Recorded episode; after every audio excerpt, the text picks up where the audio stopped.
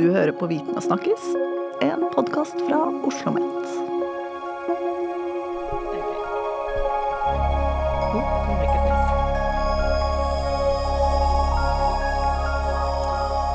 Hello and welcome back to Viten og snakkes. My name is Carla Hughes and we are welcoming back today André Brodtkorb. Am I saying this right? Yeah, better and better. Brodtkorb. Brodtkorb. Am I saying it better this time, perhaps? Um, you joined us last in, or we spoke in November. We released the podcast in December. Um, we talked about the first ever quantum computer. Um, and in that podcast, we sort of introduced you, who you are, and what you do. So I think for listeners uh, wanting to know more about you, they should go back and listen to that one.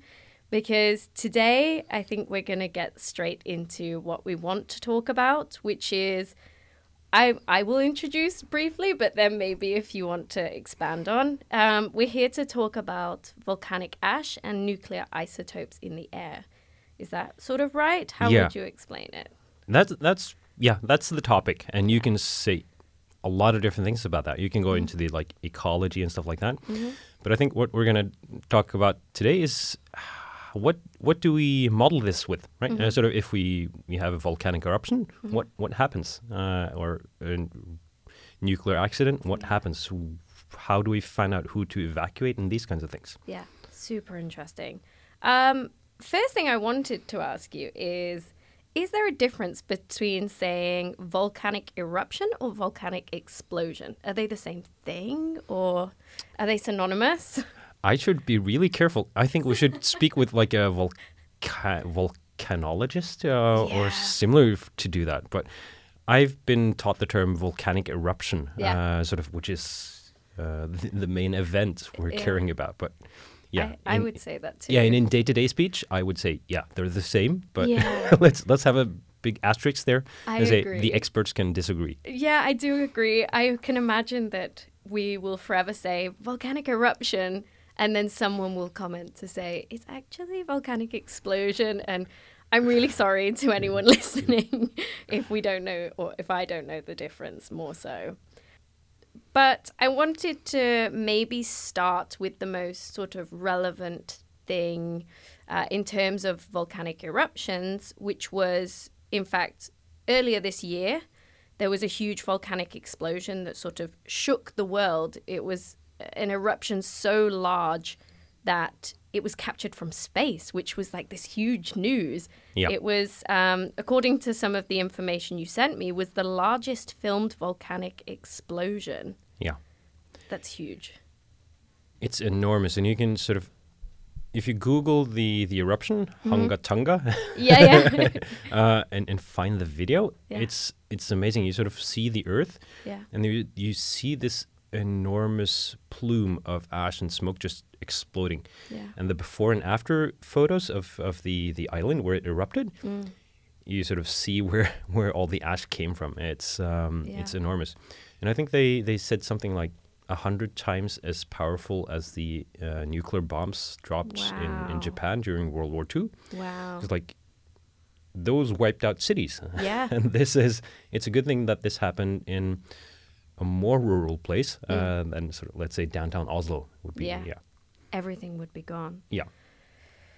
Yeah, that's super devastating. In the article that you also sent me um, before we podcasted and we were talking about what we will mention, uh, it mentioned that the eruption that devastated Tonga on the 15th of January lasted just 11 hours. And I thought, just 11 hours? That seems so long to me. Um, but it also mentioned that it will take years for scientists to work out exactly what happened and what the future risks are. Yeah. Can you explain more on that, maybe? So, the if if we go back like ten years to mm. to Eyjafjallajökull, which was in Iceland, yeah. um, that was an eruption which went on for months. It sort wow. of started up in April, went on in May, and so on, okay. and it just went on and on. And um, in in that kind of perspective, eleven hours is just really abrupt, right? Mm-hmm. Um, and the way that I've understood this is that you have different kinds of mechanisms that feed the the lava and the the sort of explosive forces yeah. that that make this explosion. Um, and if you have a hugely violent eruption like the Hunga Tonga uh, for just 11 hours, it releases all of its energy just more or less instantly compared to Eyjafjallajökull, which was going on and on and on, which Yeah. is like a different type of eruption. But again, I, I'm not the the No, no, that's the perfect expert, so I should be careful with some of my words. Yes. So, um, what sort of work will you do based on, um, or, or what are, what is something that you find most interesting um, from your perspective in terms of these volcanic explosions? What what is it that you will do with this? So my background is in computer science and mathematics. Mm-hmm. Yeah. So I like the. I'm not going to say the numbers. Yeah. Uh, but trying to figure out. Okay, we have some video of this. Mm. Um, can we get a 3D representation from those video s- footage? Yeah. Mm-hmm. It's it's not video. It's satellite imagery. Um, but can we get like a 3D representation? Get the altitudes? Yeah. can we from the wind fields and the weather forecast try to get a better description of how much volcanic ash was erupted Yeah. because we don't really know we don't have like a, a measurement there saying that well it was this many teratons of um, of, of ash it was this and this much it's so we don't really know until we model it and try to say that well I measured this much perhaps it's it's this much that was erupted Interesting. so that's my. I want to figure out, based on these observations that we have Mm. of the eruption, what actually took place. Yeah. Yeah. So, can you on a computer recreate the entire explosion? I th- so not for me. So what I do in in uh, in my modeling is trying to figure out what was erupted Right. and the transport of, of it in the atmosphere. Interesting. Yeah. Um, but there, there's a huge uh, amount of research into volcanoes and earthquakes, uh, Yeah. which try to model these these geophysical systems, which is very challenging. Yeah, that is. It so goes so above my head. I, I'm so interested. I'm really keen to learn a little bit more. Um, the other thing, um, specifically focusing on the eruption in January at Hunga Tonga. Am I saying that right? Probably not. Um, but I hope so. it uh, there was also a suggestion that there were effects with climate change. Uh, is that anything that you you might have an opinion on, or So what I've read is that um, they they're sort of downplaying the climate change um, effect of this right now. But if you had multiple of these large scale volcanic eruptions, you would get a lot of ash in the atmosphere. So Yeah. right now there's tons of uh, volcanic ash in the atmosphere from this eruption, which was in January. It's going to stay there for a long time before it finally deposits down down to Earth. yeah, And if we have significant amounts of this volcanic ash, it's it's black thing. It's like sunglasses for our uh, for the for the Earth. So it sort of will lead to less radiation hitting down in in the Earth. And then there's a whole research field trying to figure out is this gonna warm the climate, uh, cool Yeah. the climate, and so on. But I think most people agree with, uh, that um, like a huge volcanic eruption would really cool the climate because of the the uh, the lack of radiation into the Earth. interesting. Yeah. Okay. Well, we mentioned also the volcano in Iceland. I, do you know what I had written down in my notes? The phonetic. Uh, Very nice. Yeah. And I was thinking, am I going to have to try and say this now? But you said it so perfectly that perhaps I'll leave that for you. The volcano in Iceland Yeah. is what I'll go with. Um, I think many people remember this eruption. I certainly do in 2010.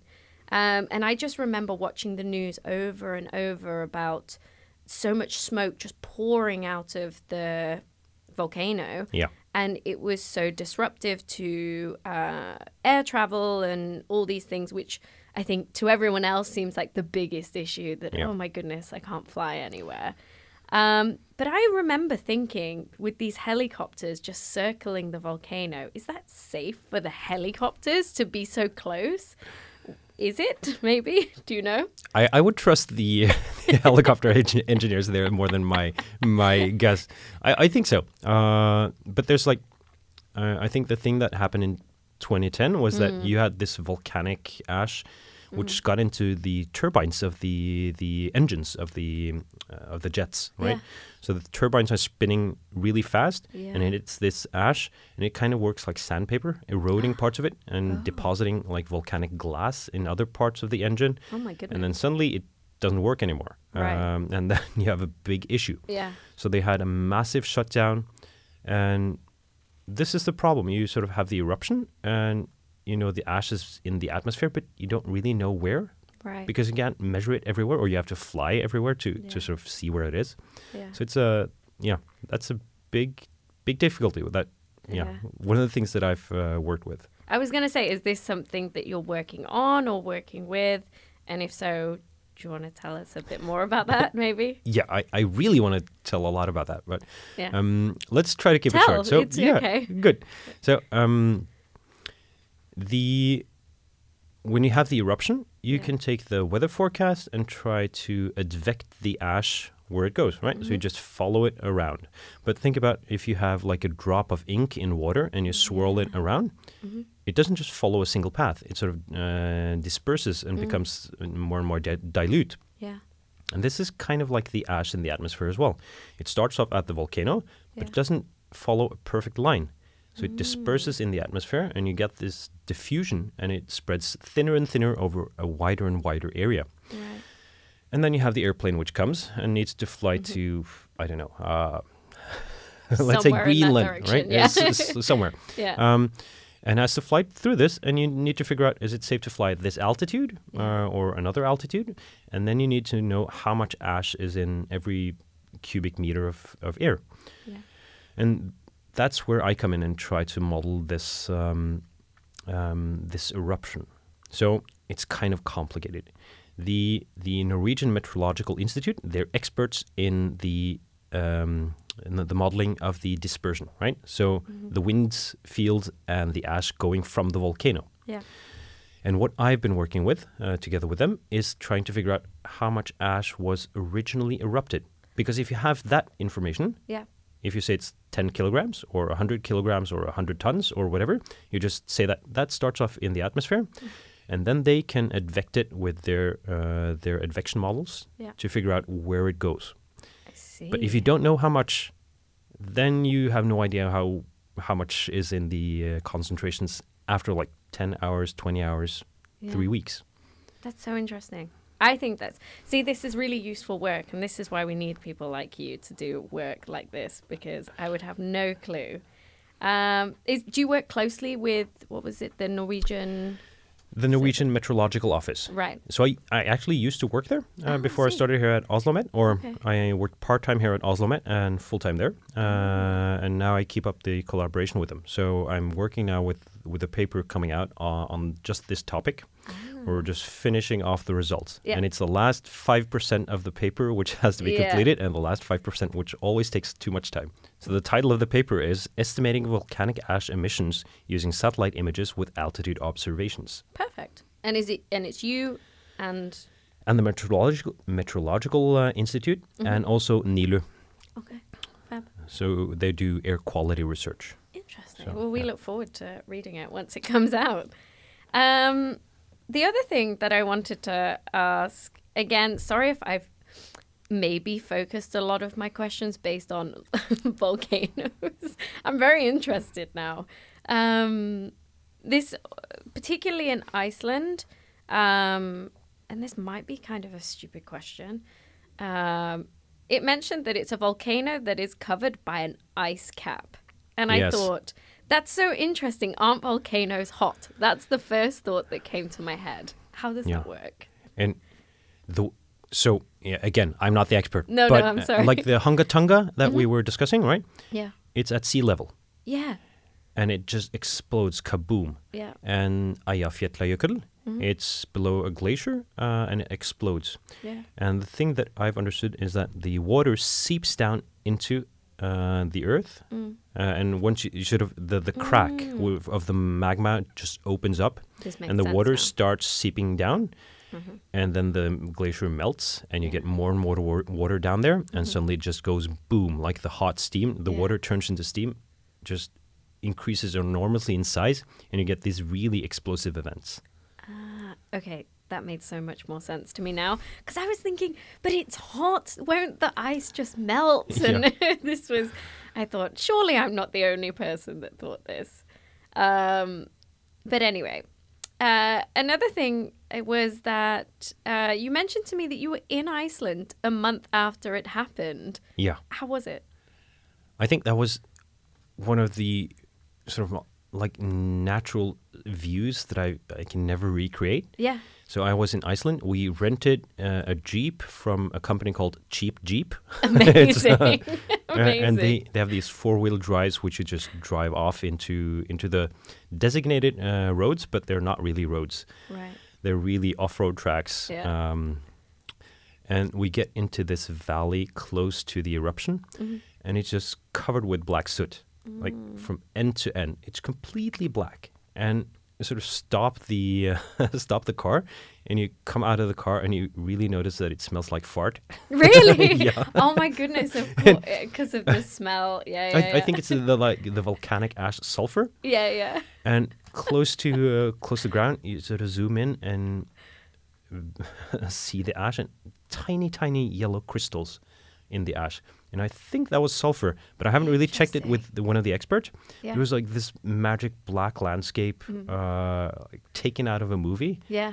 and yeah, the the of course driving there, the dust is filled with ash, so it Yeah. smells right, really is like Really ashy, bad. yeah, really bad. But it did was you, yeah. Did you sneeze and have like, um, or blow your nose Oh. and have like black snot? I don't remember, but probably yes. Probably Yeah. yes. That's so interesting.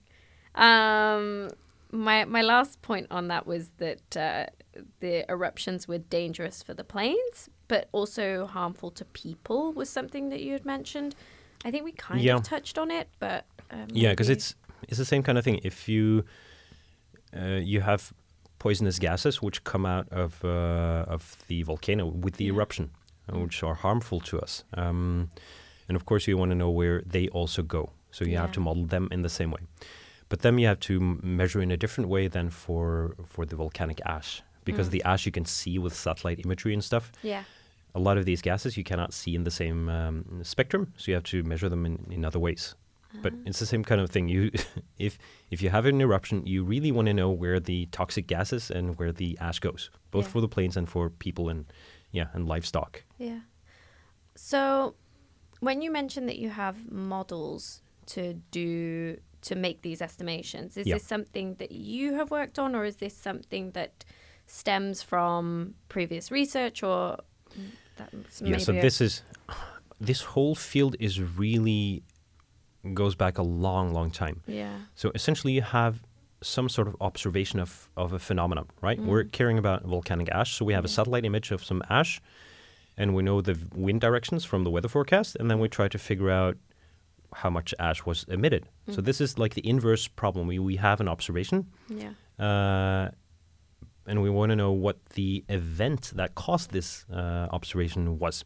yeah, And this inverse modeling um, is used in every part of, uh, of, of numerical modeling. Like a weather forecast, you have the same thing. You observe the weather, and then you have to make sure that this observation fits with your model. Mm. So you have to f- sort of fit fit your observations with the the uh, computer model or the numerical model that you're working with. yeah, So this stems back to like the beginnings of um, of, uh, of computer science, and probably before that as well. yeah, Uh, yeah, mathematically, it stems back way before that. yeah, Um, but the the specific technique that we're using uh, is based on something from the mid '80s, like 1984 or so, okay, which has been developed further on. yeah, So essentially, you have all of these observations, yeah, um, and you put them into a huge matrix, which is like a just um, which is like a two-dimensional collection of numbers, right?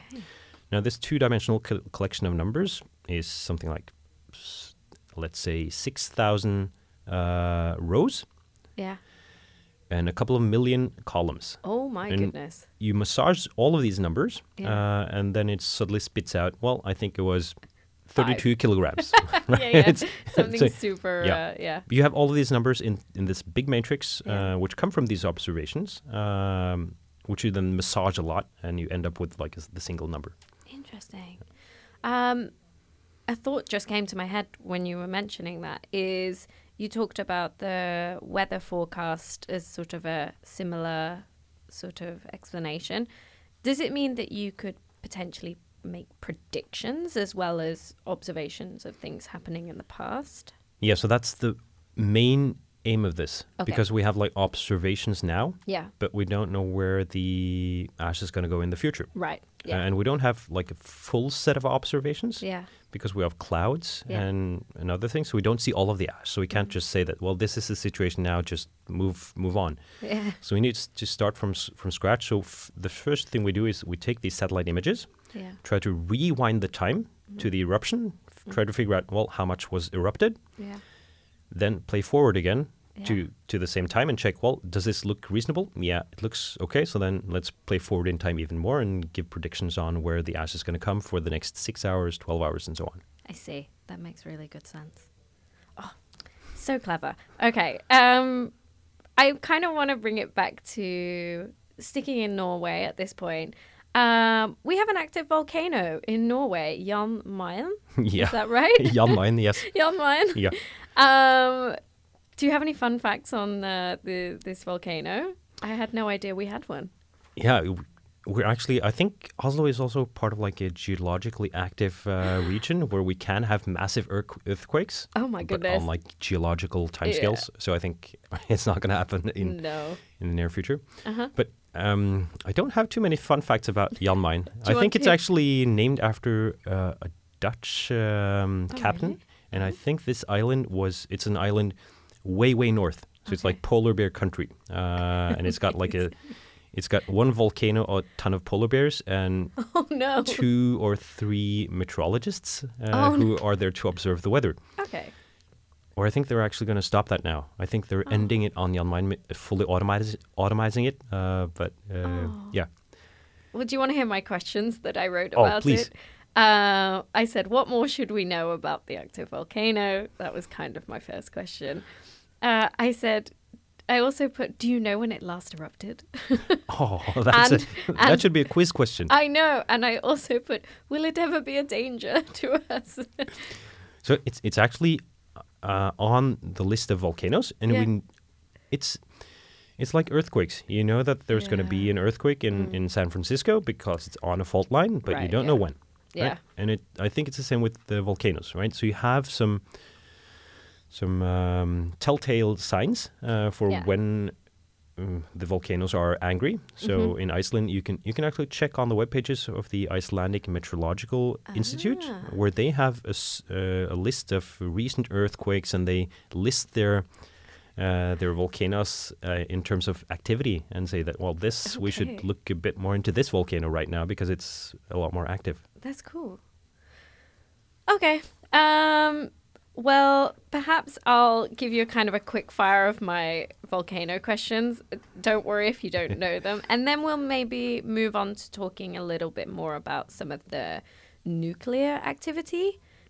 I put what happens when a volcano erupts in terms of uh, how does it erupt, but I think you kind of answered that with the Iceland question. Yeah, and I think it varies from volcano to volcano, right? Right. It's uh, if it's not close to water, it may just be a simple like flow of lava coming out. Yeah. How did you get into this research area? How did you sort of fall into uh, sort of the mathematical aspects of volcanic eruptions? That's a very good question. Yeah. It started with me starting at the meteorological office, where I got the resp- responsibility for this project that was uh, supposed to be delivered, and I had to figure out how to how to solve this issue. Yeah. Um, but but that shows sort of my interest. It's in, in a huge huge range of different topics. Mm. It's like my core competence is within mathematics and computer science. Yeah.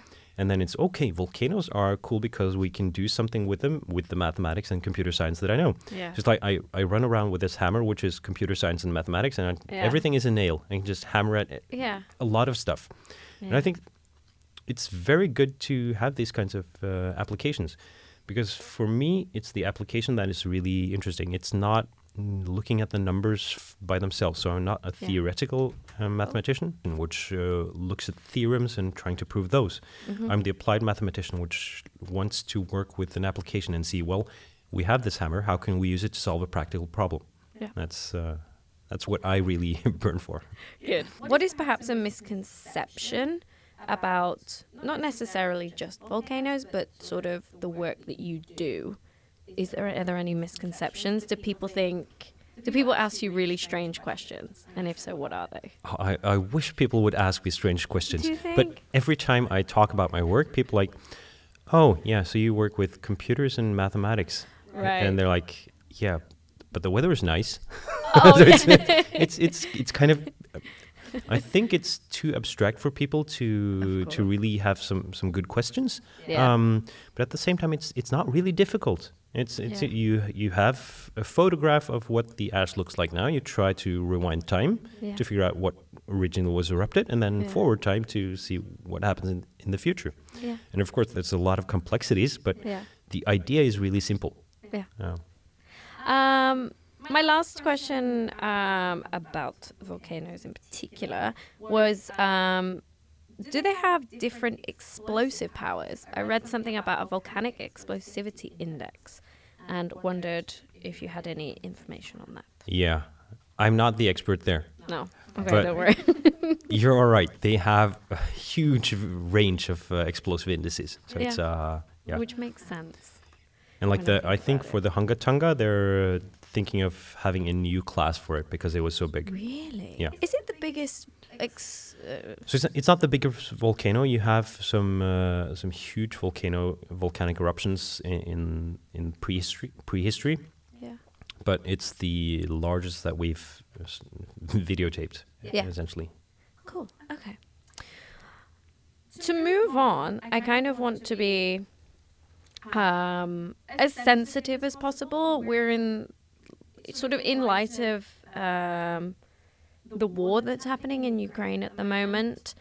There's a lot of people that are concerned about nuclear accidents, which I understand. Obviously, Ukraine is a country that lots of people, when we think about nuclear activity, Ukraine is naturally a place that lots of people look to, particularly with Chernobyl in 1986, the, the terrible nuclear accident that occurred there at the nuclear reactor. Um, can you maybe explain a little bit more about how these two topics are related, Yeah. perhaps? So, for me, from for a mathematician um, or computer science person, it's numbers into a matrix, Yeah. and that that sort of doesn't really. It doesn't really matter. It's something Yeah. advected in the atmosphere, and it can be radioactive isotopes, which is a very um, timely topic, unfortunately, uh, or volcanic ash, or something else. Let's say blue dye into the air, and you want to know where it goes. Um, but it's a lot of the same ideas. Uh, but for the nuclear isotopes, you have slightly different methodology to to solve it. So you use slightly different tools. But for like the, if you're talking about it in layman's terms, it's still a hammer. It's Yeah. still kind of a hammer, but it's a it's a slightly different hammer. but It's the same kind of hammer.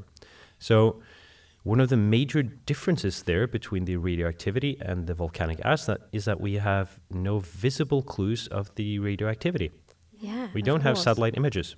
So it's Mm. very nice with the satellite images for the volcanoes because then we sort of see there's a lot of ash here, there's little ash there. Yeah. But for the radioactive um, uh, aspects, we have s- some air filtering stations and some gamma stations and so on, which can detect it at single locations. And of course, this um, this is spread out uh, throughout all of Europe, where you have a lot of these stations. So everyone listening Yeah. should be confident that this is something that would be picked up. It's not like there would be Yeah. a nuclear disaster and no one would know. Yeah. People would really pick it up immediately. Uh, but then you have these these uh, point locations, which are completely different from satellite images, right? Because across Europe, you have like let's say a handful or a hundred uh, stations for measuring this. But if you take a satellite image, a hundred uh, observations, that's like ten by ten uh, pixels in your satellite image, right? And Yeah. your satellite image is huge, so you have Yeah. so much more observations in a satellite image than for the nuclear case. So for radioactive isotopes in the atmosphere, it's much more difficult because you have fewer observations. Mm. So still, you can you can still determine sort of where the uh, the um, uh, the source came from, Yeah. but it's a lot more difficult to figure out how much was emitted and so on. Yeah. I think your words are very comforting to a lot of people in that sense of um, I think it's quite natural to fear for the worst Yeah. when when these things occur. Um, I think for me personally, that's really nice to hear that these things won't just happen Yeah. and no one will know about it. We'll be very well informed. Um, let me think where I'm going to go with this. I'm trying to be as sensitive as possible because I know it's a really relevant topic, but also is yeah, it's there's a war going on, and that's really sad. Yeah. Um, but uh, in terms of the nuclear aspect of it, um, if there was to be anything that was to occur, how might this affect us in Norway? Do you know, if at all? Yeah. So I, I have very comforting news from from the radio. Yeah. so I was listening to the radio uh, earlier today, Yeah. um, and essentially, like with the prevailing winds now, yeah. it's not going to come to Norway if somewhere something were to happen today. Yeah. And on the other hand, if the winds were going to change Mm. um, and it would come to Norway, Mm. then it's not going to come um, uh, immediately. So we'll Right. know in good time in time. advance, and it's it will uh, primarily affect livestock and, and Yeah. farms and these kinds of things. Yeah. The way I understood it, but that's that's sort of outside my field of expertise. Yeah. But what I know is that we can model this. So by the the wind, which is quite well described uh, on those scales, Yeah. we will have a relatively good description of uh, where uh, the uh, the um, pollutant is is going and at what speed and so on. So we will have time, and the authorities will will make the the proper countermeasures. That would be yeah. So, So I'm sleeping well. Good, Yeah. good. Me too. At the at the moment, anyway. Yeah. No, there's. Uh, I heard on the news about the recommendation to take iodine uh, for those under the age of forty, to do with the nuclear Yeah. reactions and that sort of thing. Yeah. Again, I don't know if that's perhaps an area of expertise, but but uh, I, I is that something that you do then? You make models with the nuclear activities as well, and is is that related to volcanoes in the sense that is it are they both nuclear? Is my question perhaps? So they're they are completely different processes, and f- Right. like for the the nuclear um, case, it has a lot to do with rainfall. That's something you really care about with the with nuclear isotopes in the atmosphere because Yeah. uh, the the pollutants can uh, the isotopes can be in the atmosphere, Yeah. advected by by the winds, Mhm. and flow across Norway or Sweden or wherever you are. I see. Yeah. Uh, and then suddenly a rain shower comes, and you Mm. get a big concentration where the rain uh, deposits uh, a lot of the radioactivity. yeah. So there's a lot of modeling which goes way beyond what I'm doing. So what I'm doing is trying to figure out, well, where does it go? Uh, well, it goes in, in, or what I'm doing is trying to figure out where does it come from, uh, or how much was emitted.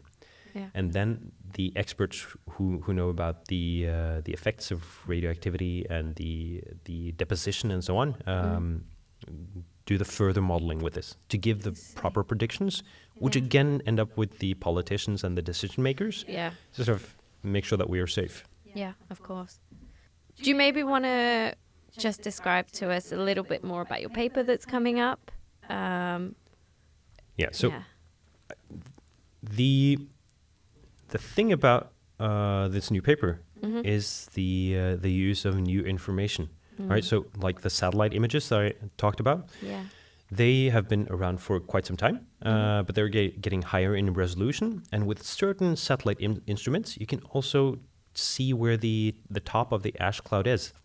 And when you see the top of the ash cloud, you can uh, sort of determine that, well, there's no ash above this point. Mm. And that extra information is really valuable uh, when you're trying to figure out where the, the ash was emitted. Yeah. Because it may be 15 kilometers or Mhm. 23 kilometers or f- higher, right? With the Hunga Tonga, which was really high up in the into the atmosphere. So the the main point about this uh, this new paper is to incorporate this altitude information, sort of seeing the cl- top of the ash cloud and seeing that well, above this uh, this altitude there is no ash, Yeah. And then that means that there is probably more ash beneath that point because you know you sort of restrict your um, your uh, level of ash Yeah. or the, the where it's placed in the atmosphere. Yeah. Well, I'm very excited for you. I'm excited for your paper, and I hope it's received well. Um, but mostly, just thank you for coming and explaining these things to me and everyone listening a little bit better. I feel like we've all learned something from you today, which is really nice. I hope so, uh, and thank you so much for uh, for allowing me to come again. no, thank you. I really enjoyed last time, and, and so this was uh, a real pleasure to have you back. So uh, thank you so much, and I, I hope you'll come back again in the future some other time as well. Me too. Thank you so much. Thank you. That was so fun.